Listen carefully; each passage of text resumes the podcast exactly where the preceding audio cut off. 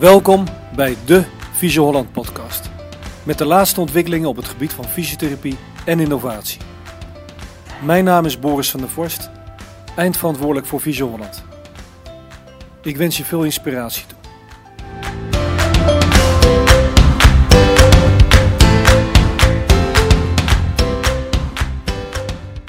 Welkom, mijn naam is Michael de Levy, fysiotherapeut bij Visio Holland. Vandaag ga ik wat vertellen over de kruisband. Neem samen met Jeroen van den Kamp de podcast op. Mijn naam is Jeroen van den Kamp, eigenaar fckruisband.nl. Nadat we in augustus podcast 1 hebben gehad over de preoperatieve fase, willen we het vandaag hebben over eh, de postoperatieve fase. Eh, zowel conservatief als eh, dus operatief.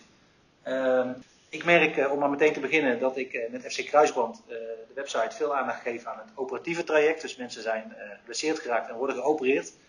En ik krijg veel vragen ook van mensen die dus niet geopereerd worden en aan het conservatieve traject uh, nou ja, zijn begonnen en het willen afmaken.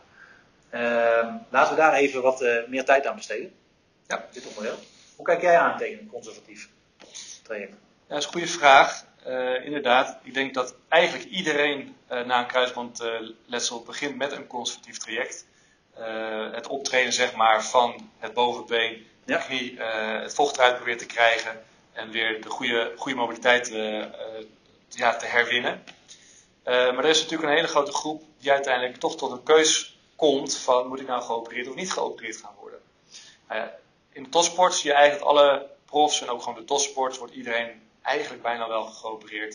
Er is daar niet heel veel discussie mogelijk. Mm -hmm. Maar kijk je in de breedte sport, ook in de huistuin en keuken, waarbij iemand zijn kruisband heeft gescheurd door een valpartij op de fiets of uitgegleden dan zie je ook nog best wel vaak voorkomen dat de kruisband gedeeltelijk en dus niet volledig gescheurd is. Ja. En waarbij dus nog enige stabiliteit uh, blijft bestaan. Dan zie je ook nog als mensen, sporters, waarbij uh, de rotatie, uh, dus de pivot shift negatief is. waarbij zo'n kruisbandletsel is, maar echt die rotatie-instabiliteit niet aanwezig. Dan heb je best wel een kans en een poging om te kijken of je gewoon een conservatief traject kan doorlopen. Uitzonderingen, denk ik, daarbij zijn uh, de toch wat grotere risicogroepen. De dames die een uh, pivoterende sport doen als voetbal, handbal, basketbal. En eigenlijk ook wel de, de kinderen onder de 18 jaar. Ik zeg ook wel eens, het is eigenlijk niet voor niks dat die kinderen hun kruisband uh, scheuren. Dus het risico dat het nog een keer kan gebeuren zonder een operatie-ingreep, maakt dat de kans dat het nog een keer door de knie heen gaan, ja, reëel. Okay. Dus ook een groep die in die zin dus extra moet beschermen uh, met teruggaan richting, uh, richting sport. Ja, ja. En waar leg je dan uh, de focus neer voor dit, deze keuze? Nou, het begint denk ik bij een goed gesprek. goed uitvragen, wat zijn de sportwensen? Wat zijn de ambities? Die zijn voor ieder persoon natuurlijk verschillend. En ja, iedereen heeft zijn eigen ideeën en, en wensen daarover, ja. denk ik. En die probeer je eerst goed kenbaar en duidelijk te krijgen. En daarbij probeer je dus goed aan te geven ook nog wat de mogelijkheden zijn. Dus niet alleen maar te kijken wat is niet mogelijk, want voor veel mensen is het die scheuren met voetbal. En dan kan je zeggen, ja, je kan niet meer voetballen, maar wat kan er nog wel? Want er kan nog een hele hoop. En uh, die vooruitzichten geven de mensen ook weer uh, een motivatie en uh, toch een kans om het op een conservatief traject te gaan doen. En wat denk ik heel erg belangrijk hierbij is om goed ook aan te geven, als je kiest voor een conservatief traject, dat je ook echt 100% misschien wel voor de uh, 300, 400 procent, ja. alles moet geven om uh, ja, gewoon fit te gaan worden. En uh, dat komt ook terug in revalidatie. Als je maar half revalideert in een conservatief traject en je hebt je ambities hoog, ja, dan red je het sowieso niet. Dus in revalidatie moeten ook de rotaties, de sprinten, wenden en keren terugkomen. Als je toch een wat risicovollere sport wil uh, gaan beoefenen. En daarbij belangrijk, denk ik, goed kenbaar maken en duidelijk maken aan de patiënt uh, dat er natuurlijk ook in je revalidatie risico's liggen dat er wat kan gebeuren. Maar als je dat risico niet gaat nemen, dan kun je ook nooit zeker weten dat een conservatief traject uh, zou slagen. Oké, okay, okay. zijn er nog specifieke gevaren? Ja, zoals ik aangeef, zeker. Uh, de kans is natuurlijk aanwezig dat je toch ook in revalidatie of in je sport toch weer een moment van instabiliteit kan ervaren. En toch weer een, ja, een trauma kan door, doormaken voor die knie. Wat natuurlijk nooit wenselijk is. Denk aan meniscusletsel, dat kan ontstaan, of kruipenletsel. Maar vergis je ook niet, want als je het conservatief, dus zonder operatie, toch gaat redden, dan bespaar je jezelf een hele zware operatie van een wat op zichzelf al een groot trauma is. En ook een hele zware revalidatie. Uh, wat je ook gewoon heel veel tijd kost. En uiteindelijk ook heel veel geld. Dus vandaar, zeker er zijn gevaren, maar die wegen niet altijd per definitie op tegen de, de risico's en de gevaren van de operatie. En zeker voor die breedte sporter, die, waarbij sport toch inwisselbaar is voor misschien een wat minder risicovolle sport, of voor de, degene die eigenlijk niet aan sport doen, is dus conservatief traject echt een goede, goede kans. Goede afrekening. Ja. ja. En als je dan kijkt naar, uh, zijn er nog andere, ja, heb je nog nevenschade, zijn er nog andere risico's die... Uh... Um, nogmaals, mocht je dus door je knie uh, zakken, is er kans dus dat je nogmaals schade oploopt. En, dat je dus eigen instabiliteit ervaart. Dat, daar wil ik eigenlijk vooral even op inzoomen nu. Ja, een, een, reconstructie, een operatie van die voorste kruisband kan natuurlijk altijd in een later stadium. En ehm, de literatuur geeft aan van ja, toch drie maanden goed aan te gaan kijken van hoe het zich ontwikkelt. Maar merk je in maand vier, maand vijf of na een half jaar of een jaar dat je toch nog uh, instabiliteit ervaart in je, in je, in je leven, nou, dan kun je altijd nog zo'n operatie uh, overwegen. Dus heel veel haast is niet altijd per se uh, nodig. Ja, ik merk het ook aan vragen. Mensen stellen mij steeds meer, of geven mij meer de opmerking van mijn advies is geweest om het eerst te gaan proberen preoperatief. Uh, sorry, uh, ik zeg het verkeerd, uh, in, in, deze fase conservatief. En te gaan kijken. En vaak komt dat goed. Ja, dus dat is mooi. En de revalidatie dan echt een stuk korter. Je zei al, ja, een zware revalidatie ga je dan winnen. in de grote lijn is een revalidatie natuurlijk wat, wat korter. Ehm, er zijn natuurlijk altijd weer de mits en de maren. ik vergelijk een, een distorsie, zeg maar, het verdraaien van die knie met een uh, reconstructie. Dan noemt de een de uh, distorsie, het verdraaien. Dus toch een ongecontroleerd letsel wat je je knie aan doet. Niet alleen een kruisband scheurt, je kapsel krijgt een flinke optater, je binnenbad kan opgerekt zijn, het kraakbeen krijgt een tik te verwerken, misschien uitgebreide bone bruises, botkneuzingen. Dus dat kan allemaal meespelen, waardoor een start van een conservatief traject op zichzelf ook niet vlekkeloos gaat, wat op zichzelf ook gewoon tijd gaat kosten. Ehm, reconstructie is natuurlijk een hele gecontroleerd trauma aan die knie. En in die zin gaat dat uh, qua, ja, het normale herstel daarin, uh, wat daar gaande is, de biologie. Um, maar uiteindelijk, als je trainbaar bent en hele, uh, het hele grote letsel van die knie is toch goed te controleren, ja, dan loop je over het algemeen iets sneller door die revalidatie heen. Ja. Maar nogmaals, als je wensen en ambities toch wat hoger liggen, dan kost het toch uiteindelijk gewoon tijd om al die aspecten van die revalidatie, het wennen en keren, sprinten, springen, uh, ja, goed en letterlijk uh, te beheersen. Oké. En wanneer mensen conservatief aan de slag gaan, moeten ze dan eigenlijk de rest van hun hele leven blijven trainen of sporten? Ook een hele goede vraag. Die krijg ik zeker heel vaak terug. Ik denk, het lichaam is een, een apparaat, zo vergelijk ik het altijd. Het is een apparaat dat gesmeerd moet worden en voor elk lichaam geldt, je moet inderdaad sporten, je moet bewegen en je moet het lichaam uh, stimuleren. En moet je dan specifiek die knie blijven trainen? Nee, uiteindelijk denk ik als je gewoon goed doorgetraind hebt en die knie is in goede conditie, dan is niet die knie die je moet blijven trainen, je moet je lichaam blijven trainen. En dat is denk ik het grote verschil in de opvatting van deze vraag. Hetzelfde geldt voor na een kruisbandoperatie. Moet je die knie altijd blijven, maar blijven trainen? Nee, hetzelfde idee. Je moet het lichaam blijven belasten. Je zou ook merken, als men ouder wordt, dan wordt de vraag en de uh, intensiteit van het bewegen wordt uiteindelijk ook wat lager. Uh, denk aan de tijd van kinderen, ja, dan heb je geen tijd meer om te sporten in de avond als voetbal of handbal. Mm. Dus mensen gaan vaak al wat meer naar de groepslessen of individuele trainingen toe. Daar ligt het risico op een instabiele knie toch al wat lager. Ja. En de noodzaak van een, een kruisbandreconstructie is dus ook wat lager. Dus uh, dat is mijn opvatting over uh, op deze vraag. Oké, okay. helder, helder verhaal over het uh, conservatief traject. Laten we het gaan hebben over het, mensen die de operatiekeuzes gaan maken. Je gaat mensen voorbereiden. Dat doe je mhm. natuurlijk als fysio denk ik een hele belangrijk onderdeel in je, in je, in je beroep. Ja. het is niet zo van de dokter heeft geopereerd en wij gaan revalideren. Er zal ook een stukje uitleg, educatie, verwachtingsmanagement hebben we in de podcast 1 ook benoemd, ja. bij zitten. dat is denk ik de eerste fase van een, van een preoperatief traject. Ja. Uh, in een pre-OK-gesprek, dus het gesprek voor de operatie, daar ga je eigenlijk in het gesprek al na en uh, uitleggen wat het beleid gaat zijn voor na de operatie. Okay, ja. Wat de leefregels kan zijn voor na de operatie, de oefeningen, maar ook Want de meeste mensen hebben geen idee waar ze aan beginnen. Want voor, over het algemeen, niet zoals jij al drie keer, is het voor heel veel mensen de eerste keer. Het is nieuw. Ja. Het is nieuw. Uh, geen idee wat er voor, uh, voor de deur staat.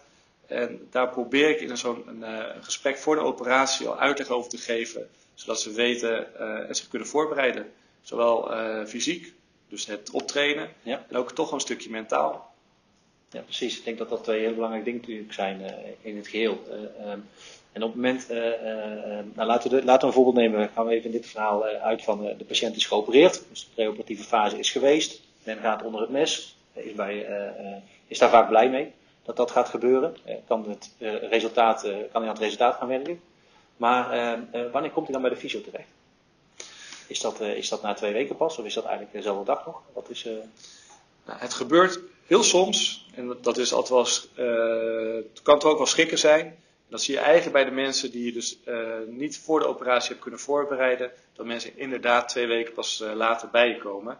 Normaal gesproken zie ik mensen toch al heel snel twee, drie dagen na de operatie. Nee, vrij snel dus. Ja, ja vrij snel. En ik zeg altijd, één dag, gaat dezelfde dag over het algemeen naar huis, dus een dag om lekker bij te komen. De dag daarna, dag om nog wat verder te herstellen. De derde dag, ja, dan ga je toch al rustig een keer beginnen. Ja, ik merk zelf de vragen die komen van uh, na de operatie. mensen zijn dan eens heel erg afhankelijk. hele kleine dingen worden heel moeilijk om te doen. je loopt met krukken. misschien nog een stukje pijn, ondanks dat je waarschijnlijk onder de pijnstillers het advies krijgt. ja, een moment waarin nou, niet zozeer tegenslagen zitten, dat is niet het goede woord, maar wel wat, wat handicappen zitten. wat kunnen ze dan doen op het moment dat ze op dag drie al komen bij de, of bij de, bij de fysio naar elkaar? belangrijk denk ik in die eerste, uh, na, die eerste, na die drie dagen zeg maar, om uh, goede afspraken met elkaar te gaan maken. Ja. Uh, ik begin altijd met een stukje uitleg waar liggen nou de verantwoordelijkheden. En dan hebben we het altijd over de driehoek. Nou, de orthopeed, die is er één van, de fysiotherapeut en uiteindelijk de patiënt. Nee, en, team, met z'n, ja, en als team, en zeker. En met z'n drieën moet je ervoor zorgen dat er gewoon een goed resultaat wordt geleverd. Nou, wat zie je vaak? De operatie is natuurlijk heel spannend en mensen kijken daar met toch een bepaald gevoel uh, naar uit. En uh, dan is die operatie geweest. Ik zeg altijd, ja, je ligt een uurtje stil, dan is het klaar. Maar eigenlijk begint het dan pas. En dan ligt die verantwoordelijkheid voor een groot deel bij uh, de fysiotherapeut, die 9 maanden tot 12 maanden moet gaan trainen met je. Maar ik denk dat de grootste challenge bij jezelf gaat liggen. Want uiteindelijk moet je het allemaal zelf gaan doen. Ja, dat, dat, dat, dat weet ik als, als geen ander. de challenge ligt daar zeker. Uh, uiteindelijk uh, doe je het allemaal zelf, maar dat, dat is ook wel weer makkelijk gezegd. Uh, want je gaat niet voor niks, uh, nou ja, laten we zeggen, een, een, een, jaar lang samenwerken met een fysiotherapeut. om zo goed mogelijk resultaten te pakken. Wat zijn dan nog, ja, wat zijn dan nog uitdagingen in, in, in dat traject? nou, goed je het zegt, want het is niet helemaal zoals je aangeeft van iedereen maakt een hele bewuste keus. sommige mensen overkomt het, doen de operatie en hebben dus echt dat gemis aan een stukje voorinformatie uh, over wat het, de, de, revalidatie gaat behelzen. Uh, dus vandaar denk ik goed echt de, de, website van jou, van FC Kruisband, die uh, informeert, ook een stukje adviseert, om mensen echt wel bewust te gaan maken waar, waar ze aan beginnen. Okay. En verder wat ik denk heel erg belangrijk vind is, ehm, wat ook in dat gesprek naar voren moet gaan komen. nogmaals, de druk ligt vaak bij de fysio, waar je dan toch twee keer in de week, soms wel drie, eh, keer in de week langskomt om te, te oefenen en te trainen. Maar die drie momenten, misschien een half uurtje, drie kwartier, dat zijn niet de momenten waar je beter gaat worden. Je gaat beter worden die 24-7 thuis, waar je kan oefenen, trainen en de knie kan stimuleren. En verder denk ik ook dat het heel erg belangrijk is dat je goed beseft, en dat geldt ook in de leefregels waar we het later nog over gaan hebben. Ehm, je doet dit eigenlijk maar om één keer te hoeven doen. Dat is altijd mijn idee en mijn visie. En daarvoor wil je er alles aan doen om het zo goed mogelijk te gaan doen. Nou, en dat probeer je zoveel mogelijk te controleren en te sturen. Door onder andere ook leefregels uh, mee te geven. Ja, ja. ja duidelijk en, en, belangrijk inderdaad. En er zijn veel verschillende operatietechnieken die uh, toegepast worden. Het meest voorkomende zal hamstring zijn, patella pace, quadriceps. Er zijn ook nog andere vormen. Als we op deze drie gaan inzoomen, zijn er dan veel verschillen nog voor een, een patiënt qua, qua pijntjes of, of, of revalidatie? Pijn is inderdaad een, een veel voor. Dat komt natuurlijk, iedereen heeft pijn aan een operatie, laat dat duidelijk zijn. De ene techniek is beduidend wat gevoeliger en pijnlijker dan de ander. Zo is de patellapees is echt wel een hele herkenbare, die vaak echt wel duidelijk meer pijn geeft in het oefenen, in de revalidatie. Waar je dus als fysiotherapeut ook zeker rekening mee probeert te houden. De hamstring is over het algemeen wat minder, wat minder pijnlijk. Wat mij vaak opvalt, is dat pijn van die knie zelf relatief meevalt. Mensen hebben het over het algemeen, als uh, een weekje of een paar dagen na zo'n operatie, dat ze aangeven de pijn is goed te doen. Ja, van de pijnmedicatie af. Ook dat verschilt natuurlijk van mens tot mens. De een heeft wat duidelijk meer pijn dan de ander. Oké, oké. Nou, op het moment dat je geopereerd bent uh, als patiënt zijnde, uh, ga je alles weer leren. Dus het is leren bewegen, leren, even heel plat gezegd van mijn kant, spieren opbouwen. Als ik het goed samenvat, die zitten knikken. Ja, zeker, zeker. En je begint bijna op nul, hè, met één been, zo gezegd. Um, hoe, wat, zijn, wat zijn momenten of signalen waarin je dan als patiënt en ook als fysio op, op moet gaan letten? Hoe ga je dat opbouwen? Belangrijkste, eerst stap 1 om goed bewust van te zijn, is ehm, we hebben met biologie te maken. Ja. Biologie houdt in, voor iedereen heeft zijn eigen hersteltijd, zijn eigen herstelfases. Ja. En bijvoorbeeld de zwelling van de, van de knie. Mensen vragen altijd, hoe lang duurt die zwelling nou? ja, dat kan je niet echt voorspellen. De een heeft daar echt twee weken, drie weken uh, veel hinder van. En echt een dikke knie. En de ander heeft er soms uh, tot week 12 uh, last van. En de ander heeft altijd nog een klein beetje zwelling tot het einde van de revalidatie. Het komt gewoon voor. En elke knie heeft daar zijn eigen, zijn eigen tijd in, zeg maar. En dat heeft niks te maken dat de patiënt heel druk is met zijn knie of juist heel veel rust neemt? Dat dat nog verband heeft met, het, met de zwelling? kan zeker. Normaal is biologie is één. Anderzijds is natuurlijk de, de leefregels die mensen wel of niet naleven. Uh, ik heb wel eens mensen gehad die uh, dag twee na de operatie door de pijnmedicatie niks voelde, voelde ja. en toch al uh, een museum gingen bezoeken. Dat komt gelukkig niet vaak voor, maar het gebeurt. Ja. Ehm, zeker mensen maken ommetjes, worden soms gek van binnen zijn, op de bank, op het bed, niks doen. Ja. Ik kan me heel goed voorstellen dat mensen op een gegeven moment ook wel zeggen, nou ja, ik wil er eventjes gewoon op uit. Ja. Maar die belastbaarheid van die knie ligt gewoon heel erg laag. En uh, ik zeg altijd bij dokters, die kunnen heel mooi aangeven, nou van dit medicijn mag je drie keer per dag uh, zoveel pilletjes. En dat vragen de mensen ook aan mij, van ja, hoe lang mag ik dan lopen? Ja, dat is iets wat je gaandeweg moet gaan uh, leren, herkennen en gaan ervaren. En uh, in het begin zal het bij minuutjes liggen. En door langzaam te oefenen, te trainen, zal je merken dat die knie geleidelijk gewoon belastbaarder wordt. Dus hij kan meer hebben. En dan kan die afstand langzaam ook uitgebreid gaan worden. Het nadeel is nogmaals, ga je één keer over die schreef heen, ga je één keer naar uh, een te hoge belasting, dan uh, kan het best zijn dat je uh, toch weer behoorlijk dikke knie hebt.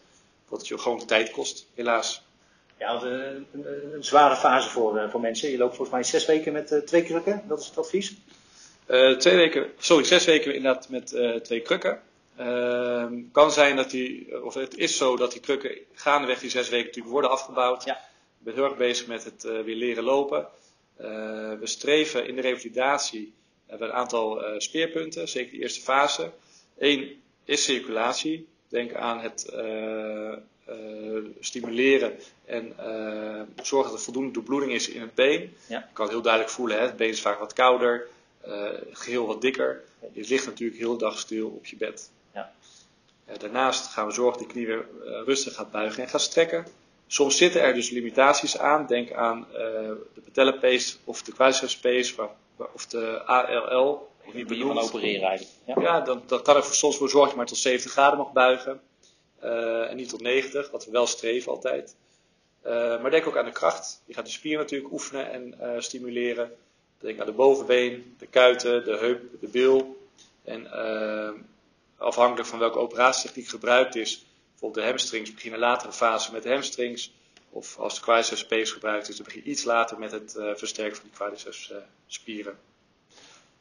Dat is eigenlijk al best veel om uh, in, in, de eerste fase te doen. Ehm, wat wil je daarmee ja, realiseren? Wat, waarom zoveel? Ehm, ja, je, je, praat over de eerste week, twee weken? Dat je eerste twee, drie weken wel, zeker, ja. zeker. En dat loopt gelijk gewoon zo door. Ja. Ik denk dat we op een heel ander belangrijk punt nog uh, niet hebben benoemd. En dat is het voorkomen van secundaire klachten. Okay. Secundair betekent, uh, heeft niks te, dus te maken met de knie. Maar heeft alles te maken gewoon met de rest van je lichaam. Ja. Uiteindelijk behandelen we niet het lichaam of de knie alleen. Maar uiteindelijk behandelen we jou als persoon. En eh, ik vind het een mooi uitstapje altijd als je kijkt in wat voor positie de rug heel dag zit, de, uh, de heupen heel dag uh, ligt. Dan vergelijk ik het altijd met een stukje, zo'n wielrenner die de Tour de France aan het rijden is, en dan acht uur of zes uur op zo'n fiets zit.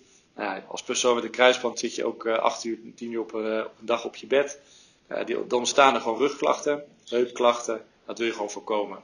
Ja. En daarbij streven zoveel mogelijk naar de symmetrie met lopen, met staan. Om gewoon te voorkomen dat je dus rugklachten ontwikkelt of uh, ander soort klachten die de revalidatie gewoon gaan beperken. Ja. En mooi dat er al zoveel gedaan wordt, uh, stiekem wat patiënten vaak niet weten. Ik denk, joh, ik kan net mijn been bewegen, net mijn knie aanspannen of mijn, mijn, mijn bovenbeen aanspannen, als het al lukt. Dus uh, daarna gaat het pas beginnen. Maar je bent al druk bezig met, met de revalidatie in, in die korte fase. En zijn er nog specifieke adviezen die je kan meegeven met betreft tot, tot, tot leefregels voor mensen? Uh, zeker, daar hebben we natuurlijk uitgebreid al dus over nagedacht. Daar zal een, ja, zal een visie in zijn. zeker.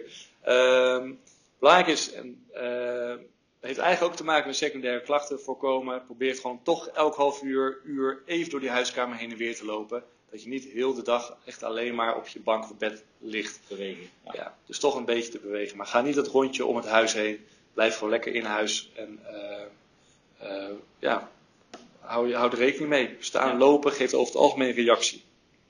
Ja, ja. Verder openbaar vervoer, ook wel echt risicovol. Nog niet zo duidelijk benoemd, maar je moet je voorstellen, na zo'n operatie neem je je spierkracht van je bovenbeen enorm af. Ja. En daarmee ook je, je spierreflexen.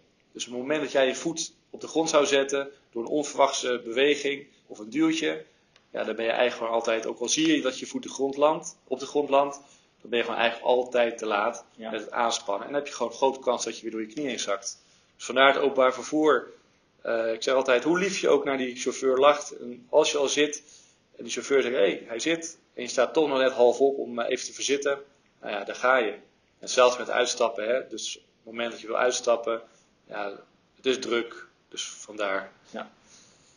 Eh, verder fietsen buiten is een no-go, lijkt me duidelijk. En uh, hetzelfde gaat voor autorijden. Ja. Soms is er een uitzondering met uh, de automaat, maar overleg dat altijd goed met de verzekering. Het heeft dus eigenlijk niks met fysiotherapie te maken, maar puur ook verzekeringstechnisch. Ja. Natuurlijk moet je goed kunnen reageren, maar doe dat in goed overleg. Ja, wat wordt er vaak qua, qua fietsen geadviseerd? Hoe lang duurt dat, wanneer je weer buiten mag fietsen? buiten fietsen doen we in Amsterdam in ieder geval na zes weken. Ja. Amsterdam misschien een kleine uitzondering op, op een heel klein dorpje buiten de Randstad. Amsterdam, ik ervaar en ik merk in uh, mijn patiëntenpopulatie, er vallen gewoon heel veel mensen van hun fiets. Ja. Door toeristen en de drukte van Amsterdam. Ja, ja. Mooi, dat is niet heel Nederland zo, maar nee, dat zal wel zeker een aspect zijn in de. Helder, helder. Er zijn veel uh, uh, nou ja, trainingen, oefeningen die, die gedaan gaan worden.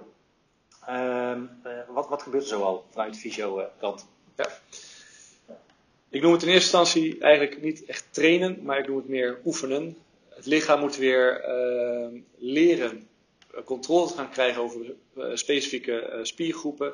Die spiergroepen moeten ook weer leren om met elkaar samen te werken. Dus mijn doelstelling in het begin, wat vaak van de patiënt natuurlijk wel heel erg belangrijk is, hè, spierpijn, zweten, hard trainen, voelen dat, dat ze wat hebben gedaan. Dat is in die eerste fase bij mij zeker niet de bedoeling. Het gaat weer om het terugkrijgen van het leren bewegen. Loopscholing, maar ook bijvoorbeeld underloaded, dus zonder hoge weerstand, wat mini-squatjes, wat step-upjes te gaan doen. eventueel wat, wat legpress oefeningetjes. Ook gewoon heel veel fietsen. Veel smeren van die knie. Dat weer goed gestimuleerd, goed kan buigen, goed kan strekken. Dat zijn eigenlijk de belangrijkste items in die eerste, eerste fase. En in de eerste fase is iemand dan één keer, twee keer, drie keer in de week bij je? Op het algemeen? Uh, ik probeer hier een duidelijke boodschap aan patiënten altijd mee te geven. Mijn focus is echt dat mensen ook veel thuis gaan doen. Dus ja. zodra ik merk dat mensen uh, uh, goed uit de voeten kunnen met de oefeningetjes. En in het begin, nou, het enige apparaat dat ik gebruik is legpress. Maar de gros van de, van de oefening kun je gewoon echt wel thuis doen. Dus ik stimuleer, of ik richt me zeg maar op één tot twee keer. Zijn het wat hoogintensieve sporters, dan zal je snel naar drie keer, misschien wel vier keer gaan. Dus ook eigenlijk kijken heel individueel wat, waar liggen de behoeften. Oké, oké. Nou, wat ik uh, in ieder geval hoor in dit gesprek met je is dat uh, uh, het is niet helemaal in, in, in tijd te gooien, het hele traject. Het zijn onderdelen die je ja, moet behalen? Zijn afkapmomenten daarin? Of zeg je van we gaan wel op tijd werken? Lijkt me niet zo, maar... Nee, dus een nieuwe tendens, eigenlijk nu denk ik een paar, nou niet één, twee jaartjes gaande. Vroeger werd er echt gezegd van nou, na negen maanden, twaalf maanden mag je weer aan de wedstrijd gaan deelnemen. daar komen we in een latere fase waarschijnlijk nog uitgebreid op terug. Maar zeker ook voor die beginrevalidatie. Het gaat om wat kan je om naar de volgende fase te gaan. En als je bepaalde dingen en handelingen uh, controle over hebt, ja. dan kan je op een gegeven moment zeggen van nou we gaan die kruk afbouwen. Je kan weer een keer een trap op of trap af. Je kan weer een stukje gaan lopen. Op die manier uh, probeer je dat te tackelen. Ik ken heel veel ongeduldige patiënten. kunnen ze daar nog wel beïnvloeden? Of zeg je van nou, heb absoluut geen haast en uh, laat het, het, het lichaam ook zijn werk doen? Belangrijk denk ik dat aan de voorkant ook goed te tackelen. Voor de revalidatie kan je uitsplitsen zeg maar, in fases. Uh, fases dus koppelen aan activiteiten.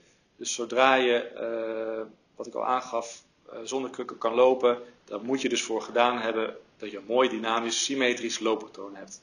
En dan kan je het gaan afbouwen. Verder heb je gewoon te maken, nogmaals wat ik al aangaf eerder, met de biologie. Ja, en daar moet je gewoon, dat moet je respecteren. Uh, kan je dat forceren? Nee. Kan je daardoor vertragen? Denk ik wel. En uh, luister je goed naar je lichaam, ga je er goed op een goede manier mee om, dan, uh, dan haal je het beste resultaat. Nou, top, top. Volgens mij heel veel besproken over een, een, een belangrijke fase, eerste fase na de operatie. Hè, nogmaals, ook conservatief besproken. Ehm, ik heb nog een paar vragen die ik heb gekregen specifiek van patiënten zelf. En dat gaat inderdaad ook weer over het, het belasten van de knie, ofwel het kruklopen. Ehm, ja, je hebt eigenlijk al het antwoord gezegd. Dat, dat, hou daar rekening mee dat dat gewoon een, een, een poosje duurt. Laten we zeggen vier tot zes weken. En dat kan je niet voorkomen en versnellen, eh, wat je net al zei. Nou, nog even als aanvulling daarop. Ja. Uh, in die zes weken bouw je nogmaals de krukken gewoon af. Dus bijvoorbeeld in week vier ga je van twee krukken naar één kruk. Hou je nog twee krukken buiten. Het is niet alleen veiligheid voor jezelf. Ik denk ook bijvoorbeeld als je naar school gaat uh, als student of scholier. Uh, of buiten op straat loopt en je loopt even dus zonder krukken in die week 5, 6. Ja. Uh, mensen zien en herkennen dat er iets met je aan de hand is. Dus het is niet alleen bescherming voor jezelf, maar ook bescherming van, van voor de buitenwereld, ja. noem ik het eigenlijk wel zelfs. Ja, mensen gewoon, ja, als je bent zichtbaar dat er wat aan de hand is, dat ze rekening houden dat je wat minder hard loopt, of dat ze je niet alleen een duw geven. je bent kwetsbaar.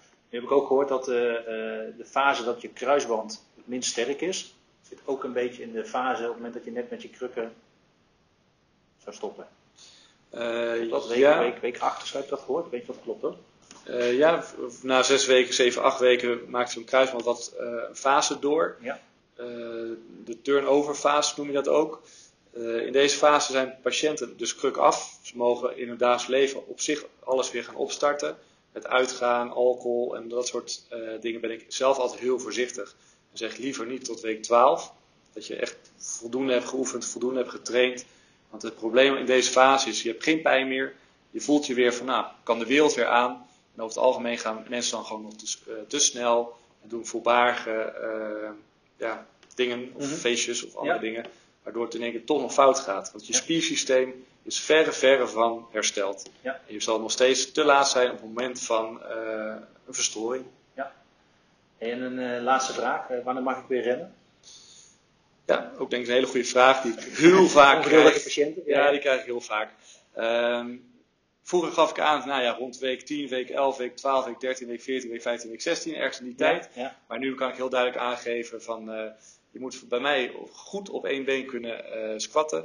Je moet een goede uh, eenbenige vering hebben. Dat zijn soort mini-hopjes.